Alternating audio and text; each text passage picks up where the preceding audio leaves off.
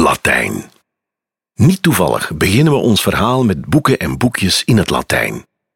Maar liefst 62% van de boeken die Plantijn uitgeeft is geschreven in de taal van de Romeinen. In zijn tijd is Latijn nog altijd de taal van de wetenschap, de elite en de kerk. Het is de tijd van de humanisten, geleerde mannen voor wie de oude Romeinen en Grieken een bron van inspiratie zijn. Een van de allergrootste humanisten is een vriend van dit huis, Justus Lipsius, ook een vaste auteur van de uitgeverij en een befaamde prof aan de Leuvense Universiteit. Hem kon u beneden al in de ogen kijken. Lipsius haalde bij de antieke auteurs ideeën om de machthebbers van zijn tijd te inspireren. Lipsius maakt geschriften van de Romeinse historicus Tacitus klaar voor uitgave.